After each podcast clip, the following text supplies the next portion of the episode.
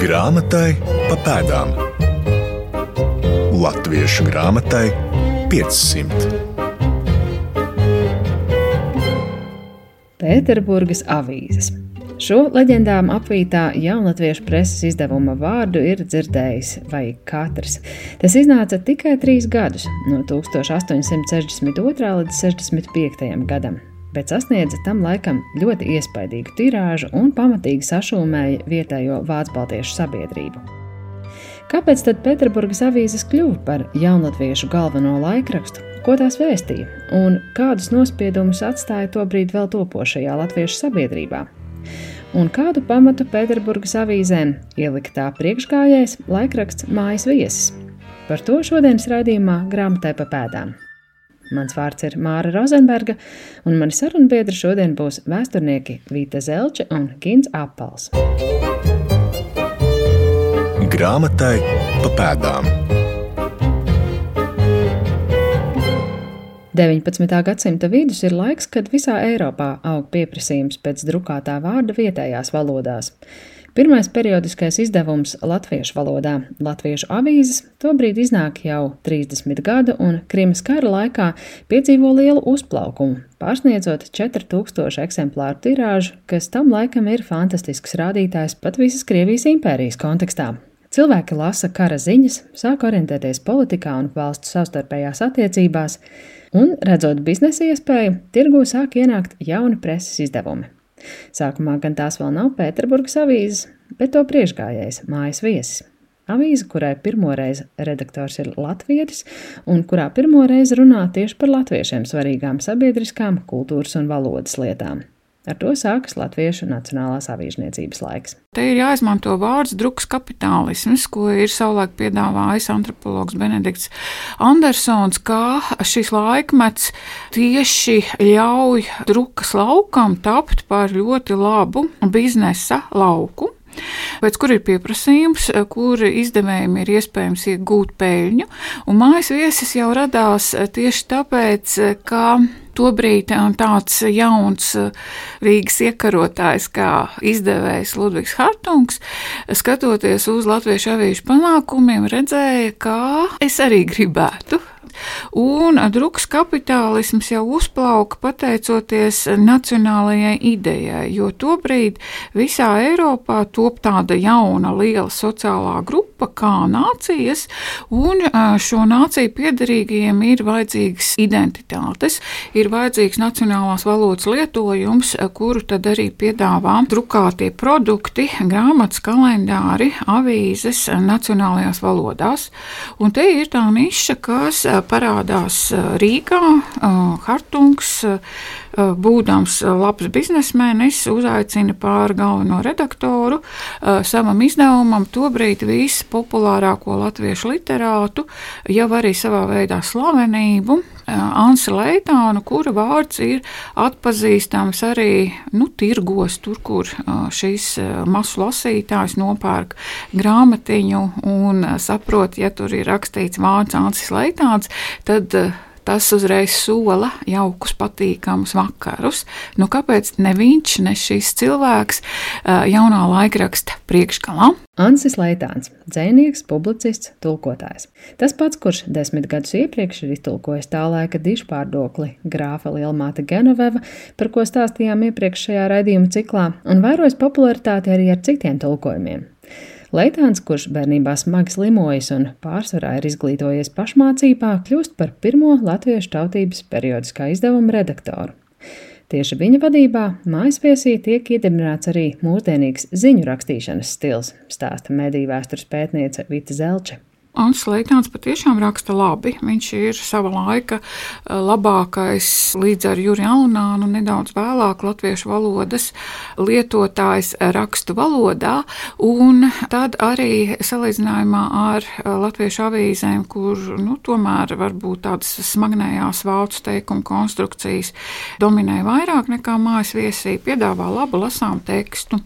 Leitāns jau ir sapratis, ka arī ziņu materiālu nevajag pasniegt gluži tādā tādā didaktiskā, reliģiskā manierē, bet kā ziņa, kas ir jāpasniedz kā informācija, un tad, lai lasītājs spriež, vai tas ir labi vai slikti pats. Nu, īsi, kodolīgi īsi, un kodolīgi. nesubjektīvi. Mēs teiktu, ka, ka gandrīz tā kā šie standarti, klasiskie žurnālistikas pamat nosacījumi, kā ziņai ir jāsniedzās uz tādu nu, kaut kādu objektivitāti. Jā, tad, tad jānes noteikts fakts, un tālāk tad domājiet paši. Un vēl viena lieta ir literatūra, tādi stāstu gabaliņi, dzējolīši, joku stāsti, anekdotes. Arī tas, ko līdzīgi tāpatās kā grāfa Lielmāta Genoveva varēja lasīt pa gabaliņiem katru vakaru, tā arī mājas viesa šādu literāro produkciju varēja lasīt tik pa gamaliņam. Vēsturnieks Gins Apels gan atgādina, ka 19. gadsimta vidū vēl īsti nevaram runāt par latviešu sabiedrību. Tā vēl tikai veidojas, un iecienītie laikraksti latviešu valodā to veicina. Līdz 20. gadsimta sākumā vienotā Baltijas sabiedrība arvien izteiktāk sadalās tautās. Tieši preses izdevuma attīstība un izplatība kalpo kā katalizators šajā procesā.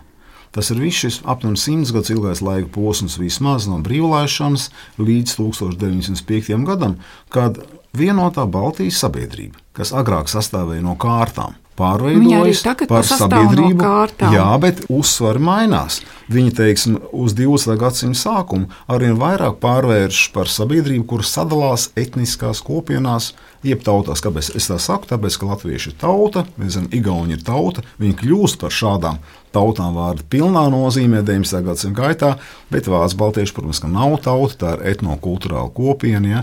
tāpat kā, teiksim, ebreji šajā teritorijā, vai krievi vai poļi. Ja? Bet katrā ziņā notiek šī dalīšanās. Mēs redzam to visu kā šis te nacionālās, etniskās identitātes un valodas identitātes jautājums iznāk priekšplānā. Bet kārtas un nācijas pretruna iespējams ir arī šī laikmeta tāda traģēdija, jo Krievijas impērija kā kārtu patvaldnieciska monarhija līdz savām pastāvēšanas beigām saglabā kārtu sistēmu, un tas jebkurā gadījumā individam liedz šo brīvo attīstību. Tā vai citādi šajā pases dokumentā, reģistrā cilvēkam ir līdzi šīs kārtas apzīmējums. Vai nu esi mužnieks, vai zemnieks, vai sīkpilsonis. Arī tas pats Leitāns, viņš visu, visu savu dzīvi dzīvo ar tādu kā zīmogu, ka viņš ir zemnieks. Neskatoties uz to, ka viņš savu maizi pelna kā skrīveris, pēc tam kļūst par profesionālu arī e, mēdīju darbinieku, bet tik un tā viņš ir šajā impērijā tas eh, zemākais, kurš noteikti vairāku iemeslu pēc, gan cilvēcisko, gan materiālo, gan arī tādu dzīves varbūt, komforta iemeslu pēc, tad gādā, lai viņa mājas viesis būtu tas labākais laikraksts latviešu lasītāju nišām. Atklājam tekstus! Mājas viesa redaktors Leitāns un izdevējs Hartungs 1856. gada ziņā par jaunām latviešu avīzēm raksta. Te būs lasāms jaunas ziņas tāpat no mūsu tēva zemes, kā arī no svešām zemēm. Īpaši tādas, kas mūsu lasītājiem dar zināt. Stāsti, kas māca prātu cilāt, dieva godību atzīt viņa darbos, dzīves laimi un labklāšanu vairot, prātīgi un kristīgi dzīvot un tā joprojām pamācīšanas par lauku, dārzu un lopu kopšanu, kā to labāki vai vieglāki var izdarīt, un ko visu ļaudis citās malās labāku atraduši un izdarījuši. Mācības, kā veselība kopjama pie cilvēkiem un lopiem, ziņas par baznīcām un skolām un kā misionāriem pagānu zemēs izdodas kristīgu ticību izplatīt, ziņas par vecām un jaunām latviešu grāmatām un tā joprojām dažas sludināšanas un augstas valdīšanas pavēlēšanas, kas visiem vajadzīgs zināt, un tā joprojām. Mājas viesim rakstīja latviešu skolotāji, skrīveri, Tartu universitātes studenti, un viņu vidū arī tobrīd dzimstošās jaunatviešu kustības līderi Krišjāns Valdemārs, Juris Alunāns un Krišjāns Barons. Kā tad jaunajai avīzē veicas ar tirgus iekarošanu, jautāja mediju vēstures pētniecei Vitai Zelčai. Mājas viesiem ar lasītāju iekarošanu sākotnēji iet grūti, bet tad aizvien labāk un labāk. Principā no dažiem simtiem līdz dažiem tūkstošiem eksemplāru. Ja tā laika šī lielā tirāža, ja mēs skatāmies gan uz latviešu avīzēm un Pēterburgas avīzēm, ir 4000 un nedaudz vairāk, pārsniedzot dažus simtus. Protams, uzreiz jāsaka, ka tas abonētājs nav vienīgais laikrakstu lasītājs, jo laikrakstu lasa jau šī kopiena, kā jau mēs runājam, šī zemnieku māja, un līdz ar to, protams, var pieņemt tādus varbūt voluntārus skaitļus, ka tur viena laikraksta auditorija ir pieci cilvēki, cita desmit. Arī tādas tīri aprēķina pēc šos laikrakstus abonē vairākas mājas kopā. Piecas pat desmit mājas kopā, protams, tad mēs varam iztēloties, ka šīs laikraksts pie tās desmitās mājas nonāk ar tādu milzīgu kavēšanos, varbūt mēnesi pagājis vai, vai kā. Bet eh, līdz ar to tā aptvere ir stipri lielāka nekā šie skaitļi, cik eh, konkrētais eksemplārs tika nodrukāts. Viņu raksti rada satraukumu un nepatiku vietējā vācu garīdzniecībā un aristokrātijā. Redaktora piekāpība un gatavība kompromisiem latviešu lietās aktīvākos autorus neapmierina, un viņi aiziet. Mēs turpinām sarunu ar vēsturniekiem Vītu Zelči un Gintu Apalu. Bet, ja jau mājas viesa komandā darbojas daudz no tiem, kurus mēs vēlāk saucam par jaunlatviešiem, tad kāpēc tieši Pēterburgas avīzes, kas iznāk nākamajā desmitgadē, kļūst par to galveno jaunatviešu izdevumu? Gint, varbūt. Jā, no visā šajā laika posmā mēs redzam, ka arī pamazām notiek šīs latviešu topošās sabiedrības, arī politiskā stratifikācija. Veidojas dažādas grupas, ir konservatīvā sabiedrības daļa, kur apmierina lielās līnijās Baltijas sociāla-ekonomiskā iekārta. Veclatvieši, arī teiksim, lūk, latviešu avīzes un viss, kas ir ap to, un varbūt daļai arī mājas viesis. Ja? Bet otrs spārns - Pēterburgas avīžu rašanās un izdošana parāda to, ka notiek politiska radikalizācija, jo tobrīd liberāļi ir radikāļi. Viņi vēlas mainīt šo konservatīvo kārtu sabiedrību un pārveidot Baltiju, orientēties pie tam uz vairāk vidus Eiropas un Rietumēros paraugiem, bet arī balstoties un izmantojot Krievijas valdības reformu politiku. Aleksandra II reformu politiku, ja, tā lūk, vēršoties pret Baltijas autonomiju, pret veco sabiedrību, radot jaunus ideālus. Un tas, kas pārsteidzoši, ka šīm jaunajām idejām ir tik liela augsne 1860. gadu pirmajā pusē, lai Pēterburgas avīzes dabūšos 4200 abonentus augstākajā posmā. Tas ļoti strauji un ļoti daudz. Tā tad ir nobriedzis pieprasījums, un šim pieprasījumam ir arī materiāla bāze, neviena lasīt prasme, bet arī cilvēki, kur piediegoši materiāli patstāvīgi, ja, lai savu teiks, jauno materiālo, ekonomisko, sociālo statusu pārtulkotu un paustu caur jauno politisko ideju uzņemšanu un nešanu tālāk.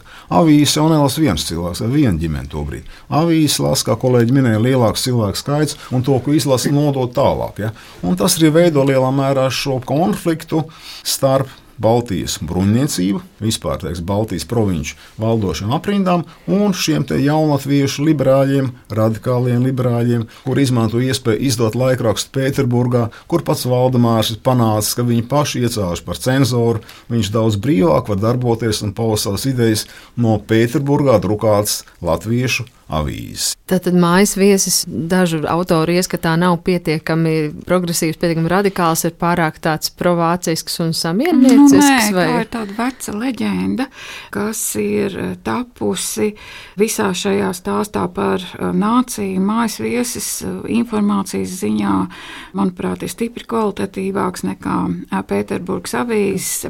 Arī literatūras publikācijas ziņā ir labāks. Pēterburgas avīzes Polijas ir tāda super leģenda. Ir kaut kas vajadzīgs jebkurā kultūrā, kas būtu leģenda, kas būtu uh, svētums. Protams, es varu piebilst, ka arī uh, Krišāns Valdemārs pats vēlāk brīnījās, kāpēc Pēterburgas avīzes visi tā slavē, jo šis laikraksts, kā viņš pats raksta, vairāk nepateica nekā pateica. Bet tik un tā šis laikraksts ir leģenda vairāku iemeslu pēc. Tāpēc, ka tā ir pirmā tik labi izglītoto cilvēku komanda, kas šo laikrakstu piedāvā. Laikraksta laiks ir arī, kā kolēģis teica, vienkārši fantastisks, jo veselā cilvēku slānī ir pamodusies ticība Krievijas impērijai, kas mainīsies, kas eh, arī varbūt mainīs šo kārtu sistēmu, varbūt arī kaut ko savā pārvaldē, jo 1861. gadā Krievijas impērijā notiek fantastiska reforma, tiek atcelta dzimbūšana. Tas ir kaut kas pilnīgi neiedomājams. Tas ir kā ceļš uz kaut kādu jaunāku sabiedrību. Un šie mūsu jaunieši ar Tērbatas universitātes diplomiem tobrīd startē tādā lielajā darba dzīvē un startē uz Sanktpēterburgu, kas tobrīd ir šis reformu centrs. Un te arī nonākam pie stāsta, kāpēc tieši Pēterburgas, nevis kādas citas pilsētas avīzes. Laikraksta dibinātājs Krišjāns Valdemārs pastāvīgi dzīvo Pēterburgā no 1858. līdz 67. gadam un strādā dažādos ierēģņa amatos Krievijas impērijas ministrijās. Jau tobrīd klīst leģendas, ka Valdemāra idejas par jūrniecības reformu pamanīs cara brālis, kura pārziņā bija visas impērijas reformu plāni. Viņš ir aizdevies uz eh, Sanktpēterburgu ar labu universitātes diplomu. Viņu ir pamanījuši, pateicoties publikācijai, to brīdi tādā reformu izdevumā Maškojas Borņika vai Jūras krājums eh, par tām jūras skolām, ka tagad liksim mierā tos muiznieku bērnus, bet skolosim zvejnieku bērnus par kapteiņiem, un tad gan jau šie zvejnieku bērni arī spēs radīt eh, Krievijai tobrīd tik ļoti vajadzīgo tirzniecības floti. Tad viņu pamana arī šie jaunie Krievijas administrācijas aparāta cilvēki, kuri redz, ka šis dzīves pazinējs, Krišāns Valdemārs, varētu izpētīt, kā tās jūras skolas dibināt, vēl kaut ko izpētīt par skolām. Uztic to brīdi Valdemāra izcelsmes cilvēkam neticami labus projektus. Nu, un, protams, viņš aicina savus studiju biedrus un domu biedrus uz Pēterburgu. Un to brīdi arī Pēterburgā veidojās jau liela latviešu kopiena, jo Pēterburga ir ārkārtīgi pievilcīga ar eh, jaunajām darba vietām, ar iespējām. Un Valdemāram izdodas eh, pierādīt, ka ir iespējams arī Pēterburgā izdot daudzus latviešu izdevumus, un tad gluži dabīgi Pēterburgā ir vajadzīgs latviešu izdevumu cenzors, un tādā konkurence ar turienes vietējo mācītāju priekšroka tiek dota Valdemāram. Tieši tā, Valdemāram sākotnēji izdodas panākt, ka viņš ir gan avīzes izdevējs, gan cenzors, bet viņa draugs un skolas biedrs Jūras Alunāns - avīzes redaktors. Un pirmos mēnešus to var uzskatīt par brīvāko laikrakstu Krievijas impērijā. Naudu tā iznākšanai sameta Pēterburgas latvieši. Šie cilvēki, kas ir eh, Pēterburgā, viņi ir gatavi piedalīties tajā visā jaunās atmosfēras, jauno zināšanu, jaunās publicistikas radīšanā. Mūsdienu valodā es teiktu, Pēterburgas avīžu pamats ir pūļu finansējums, vai ne?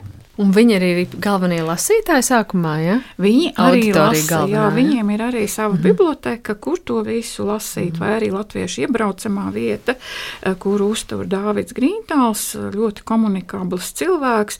Noteikti viņš pārstāstīja tūkstošiem cilvēku šo laikrakstu saturu un nolasīja labākos citātus. Jā. Tajā pašā laikā mēs šajā sarunā druskuļi par daudz runājam par Valdemāru. Protams, ka Valdemārs ir organizators, viņš ir ļoti veiksmīgs arī politiķis un sabiedrības centrs. Viņš būvē kopienu un piesaista cilvēkus. Taču mēs runājam par idejisko saturu. Tad Pēterburgas avīžu radikālās politiskās idejas nenāk no Valdemāra. To arī parāda visa Valdemāra tālākā darbība, visi viņa raksta, ko viņš publicēs vēstules. Ja? Viņš savos uzskatos nav nemaz tik tāds vizionārs, kāds var būt Ralnāns. Pie tam Alnāns ir vizionārs jauno mājas vieslaikiem šeit labprāt iestarpināt tādu salīdzinājumu klausītājiem. Ja, ja mēs runājam par Pēterburgas avīžu mājas viesu salīdzinājumu, teiksim, pirms 30 gadiem tas būtu bijis aptuveni tā - mājas viesa kā literatūra un māksla, un, teiksim, attiecīgi Pēterburgas avīzes kā atmoda, kā klaja politisks laikraksts, kurš principā risina gandrīz vienīgi politisks jautājums. Viņam izklaidējošās funkcijas praktiski nav. Viņam ir tikai šie teiksim, feļetoni un dažādi teiksim, pilkuma zobgals, kas būtībā visu laiku izsmej veco iekārtu un viņas pārstāvis. Ja? Lai tādā veidā radītu apstākļus jauno politisko ideju ieiešanai masās, kas sekmīgi, bet vēlreiz šo ideju autors noteikti nav Valdemārs. Tās galvenās idejas kas par to, ka Lūk, latviešu vairs nav zemnieku kārta. Ja? Un te ir daži citāti, kurus mēs varam minēt. Lūk, jau pirms iznākšanas tiek izdota Pēterburgas avīžu reklāmas lapiņa. 1862. gadā, kas sola sekojošo. Laikraksts pierādījis, ka mūsdienās latvieši nav bauru tauta vien, ka neviena tauta nav un nevar būt īpaši ļaužu kārta, ka daudz dakteri, mācītāji, bagāti kopmaņi, tāda tirgotāji, augsts tiesas vīri, jā, pat mužnieki ir latvieši. Nu, patiesībā ar šo te Pēterburgas avīze īsti arī neiet pret šo kārtu sabiedrību. Ja? Jā, viņi viņi saka pas... to, ka latvieši var būt arī augstākajai kārtai piederīgi cilvēki. Viņi pasaka to, ka kārta un nācija nesakrīt. Tas ir tas vecais priekšstats, kuru Ka Latvijas var būt tikai zemnieks. Jā, kultivēja uh, arī Latviešu avīzes savā darbībā, kur kultivēja vietējā Baltijas aristokrātiskā elite, uh, kā kārta un nācija sakrīt. Ka vācieši ir dzimuši kungi un latvieši ir dzimuši zemnieki. Un citādāka pasaules kārtība nevar būt. Un tas, kas tobrīd, kad iznāk Pēterburgas avīzes, ir vajadzīgs, ir vajadzīgs tam mazajam cilvēkam priekšstats par to, ka pasaules kārtība nav tāda, kāda viņam tika stāstīta, stāstīta, stāstīta baznīcā pie mužnieka, ka pasaules kārtība var būt savādāka un mainās. Un tas, kas šajā arī citātā parādījās, tās citas profesijas. Ja? Kas, kas nav zemnieki? Tomēr, kā norāda vēsturnieks Gins Apels, arī savā tam laikam gana radikālajā liberālismā par neatkarīgu Latvijas valsti Pēterburgas avīzes tobrīd vēl nesapņo. Jo neviens jau neprasa tobrīd Baltijas kartes pārzīmēšanu. Neviens neprasa vēl tobrīd kurzemes un līvzemes provinču latviešu daļas apvienošanu. Ja? Kaut kādas autonomijas, teritoriālā pamata veidošana, tam nav pienācis laiks, tas notiks pēc desmit gadiem tikai. Praktiski tiek prasīts tikai emancipācija, vienādas tiesības, kas ir izpaužas tādā ļoti skaidrā deklarācijā, Pēterburgas avīzēs, kas saka, tā vienīgā, bet tā visai nopietnā lieta, ko es prasu, ir šī, lai katrai tautai pilnīgi tiek atvēlēta savu valodu un ar to arī sevi pašu kopt, tad viss cits labums radīsies pakaļ. Kas tas raksta? šī te identitātes definīcija uz valodas pamata, kas principā atbilst nevis Krievijas, bet Vācijas modelim. Ja? Tāpat vāc arī Herdera ideja par to, ka piedarība tautai nosaka kopīga valoda, kopīga pieredze un izcelsme. Jā, bet vienmēr šis laika konteksts ir tikai tās iespējas, kādas ir konkrētā laikā. Un tobrīd nu, nav jau citas iespējas kā šī Krievijas impērija. Cilvēks ir ielikts savā noteiktā laika telpā. Un arī laikraksti jau ir arī tie, kas sāk pārzīmēt kartes, nacionālie laikraksti. Jo tur, kur laikraksts ir, tur, kur viņš nonāk, kurzemē, vidzemē, daži eksemplāri Latvijā. Tur arī var jau ieraudzīt šīs nācijas kontūras. Pamatlīnijas, un arī tie, kas ir ārpus Latvijas teritorijas, tai pašā Sanktpēterburgā, vai Novgorodā, vai kaut kur citur. Un tas ir tas, ko jau arī minētais antropologs Benedikts Andersons sauc par uh, iztēloto kopienu. Tā, tā kopiena, kuru rada druks kapitālisms nacionālajā valodā, izplatot lietojamus, lasāmus kultūras, arī politikas, izklaides produktus, un arī nācijas, ja tām nav savu skaidru robežu kartē, pa priekšu top kā iztēlotās kopienas. Un tad varētu teikt, ka tas gala rezultāts ir tas, ka nodibinoties Latvijas valstī, šai iztēlotajai kopienai tika uzzīmēta tā kontūra, kuru mēs zinām. Svarīgā grāmatzīme. Tiešām mājas viesī Alnāns piedāvāja latviešu zemi saukt par Lātavu vai Latvu. Bet viņš radīja mājas viesītu ideju, ka latviešiem ir sava zeme, ja, kas nav ne kurzemes province, nec teiks Līvzemes provinces latviešu daļa. Pēterburgas avīzes pirmo reizi maziem burtiņiem lieto šo jēdzienu Latviju kā latviešu zeme, un vēl vairāk. Viņi tam pieliek vēl vienu lietu. Tātad šie principā intelektuāļi, kas nāk eh, lielāko daļu no kurzemes provinces, ja, Pēterburgā, viņi pieskaita latgaliešu latviešu tautai. Jā, lai paši latgalieši pieņemtu šo ideju. Tur jāpēta vēl vieniem pieciem, sešiem gadu desmitiem, ja? bet jau Pēterburgas avīs uzdod šo jautājumu. Vai Vitebskas latvieši, vai viņi arī pieder pie latviešu tautas, un Pēterburgas avīs saka, jā, pieder gan. Kas tad šo avīzi veido? Kas ir tā komanda, par ko mums vajadzētu zināt? Nu, ar komandu ir slikti. Komandai ir arī savi noslēpumi. Raksti pamatā ir bez autora norādēm. Zinām, ka pirmais oficiālais redaktors ir Juris Alunāns, tomēr viņa paša vajā dzīves likstas, un viņš uh, saslimst un ir spiests Pēterburgu atstāt. Ir uzticamais Valdemāra draugs barons, uh, kurš ir čakls, kā jau matemātiķis, un māca čakli strādāt. Uh, tad vēl arī parādās eh, starp eh, tādiem varbūt noslēpumiem, kurus eh, vēlāk šķetina dažādi pētnieki, proti Jākabs Zvaigznīte, skolotājs. Arī viņš ir starp tiem, kas agri nomirst, beig beigās nogulst lielajos kapos nezināmā kapu vietā, un savu stāstu par dalību šajā izdevumā viņš nav izstāstījis. Tad ir tādi labi palīgi ekspedītori. Tie ir tie, kuriem tie avīžu saiņi ir kaut kur jānogādā un jāizplata. Tur ir jau minētais Dāvids Grīntāls. Tad vēl arī šeit parādās Alunāts jaunākais ar savām publikācijām. Tad arī tāds Georgs Pasīts. Arī daudz publikāciju saņem korespondentiem tur vai citur. Bet beig beigās tas redakcijas kodols tomēr ir barons un arī Valdemārs pats nu, kaut kādā veidā līdz, līdz tam produktam vai laikraksta eksemplāram bija jātiek. Bet tomēr vēl viena lieta. Patiesībā parasti vēsture uzskata tā, ka tas, ka Pēterburgas avīzes ir tāds radikāls tikai pašā sākumā, 1862. gadā. Un pēc tam viņas kļūt mērnākas un bezobainākas, kad tas viss ir tāda cenzūras un arī teiksim, Baltijas elites intrigu rezultāts kas vienkārši spiež viņus atmest radikālās idejas. Mēs vēl tā neesam īsti padomājuši, vai tam nav tomēr saistība ar to, cik aktīvs sākumā ir Alnāns un kā viņš vēlāk pazūd no turienes. Jo mēs zinām, ka ne Valdemāram, ne Baronam īstenībā tādu īsto politisko radikālismu publicistu kā piedēvēt nevar viņa tālākajās dzīvēs. Bet lielu lomu Pēterburgas avīžu vēlākajā mērenībā noteikti spēlē fakts, ka Krišņānam Valdemāram savu gudri izkārtoto avīzes cenzora amatu ilgi neizdodas saglabāt. Vēlreiz vēsturnieki Vita Zelča un Gīns Apals. Ir šie pirmie 16 spožie numuri, kas ir arī tā, tās leģendas un slāpes pamatā pamatā, un eh, vietējā Baltijas elite eh, panāk to, kā laikrakstu necenzē Pēterburgā, bet gan Rīgā, ģenerāla gubernatora kancelējā. Tas nozīmē, laikraksta šos novilkumus ved uz turieni, ved atpakaļ, labo, tas uzreiz arī, protams, piešķir jebkuram informatīvajam materiālam eh, gausumu. Arī notiek cīņa par to, ko var Eizopa valodā pasniegt, ko nevar.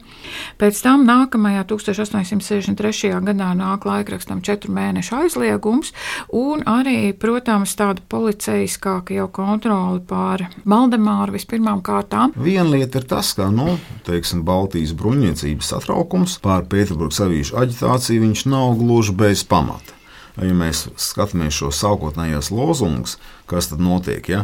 tie ir tie uzsaukumi visai latviešu tautai, visiem cilvēkiem, kurus sev atzīst aktīvi par latviešiem, radikalizēties un sākt politisku aktīvismu. Tie uzsaukumi Pēterburgas avīžu tekstos tiešām ir. Piemēram, ja, citādi: Latviešu tautai esat jūs vajadzīgi, jūs, kas kaunēties par savu tautību. Latviešu tauta nevar cieņā un godā nākt, kad katrs, kas augstākā vietā tic, aizliedz savu latviešu tautību. Lūk, viens citāts. Un tas jau pie 63. gads, jau kad viņi to raksta.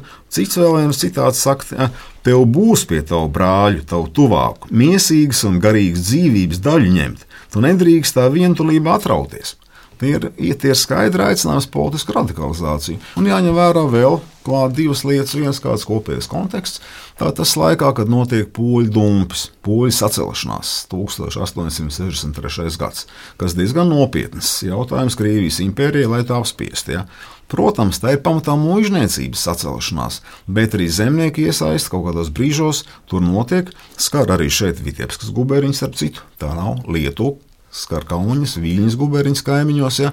Un, lūk, protams, ka augstākajiem slāņiem, kas Baltijā grib saglabāt stabilitāti un arī savu privileģēto pozīciju vienlaicīgi, ja, šīs lietas rada satraukumu, ka kaut kas arī varētu sākties plašāk šeit. Galu galā 1865. gadā Pēterburgas avīzes izput un Valdemārs ir spiests pārcelties uz Maskavu. Citiem laikraksts izdot gribētājiem cara administrācija vairāk kārt atsaka atļaujas, līdz tikai pēc vairākiem gadiem uz skatuves parādās cits smagsvars - Baltijas vēstnesis ar Bernharda Dīriķa priekšgalā. Bet leģenda par Pēterburgas avīzēm paliek. Ja vēlaties tās lasīt, vienkārši atveriet vietni periodika LV, tur tas ir. Bet šodienas raidījums ar to ir galā. Paldies vēsturniekiem Vitai Zelčai un Gintam Apalam un raidījuma padomdevējiem Latvijas Nacionālajai Bibliotēkai un Latvijas Universitātes Akadēmiskajai Bibliotēkai.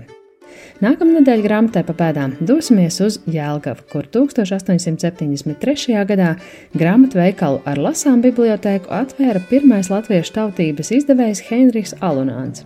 Vienlaikus grāmatniecībā sevi pieteica Kārlis Stalbergs Rīgā un Klāvs Ukstiņš Liepājā.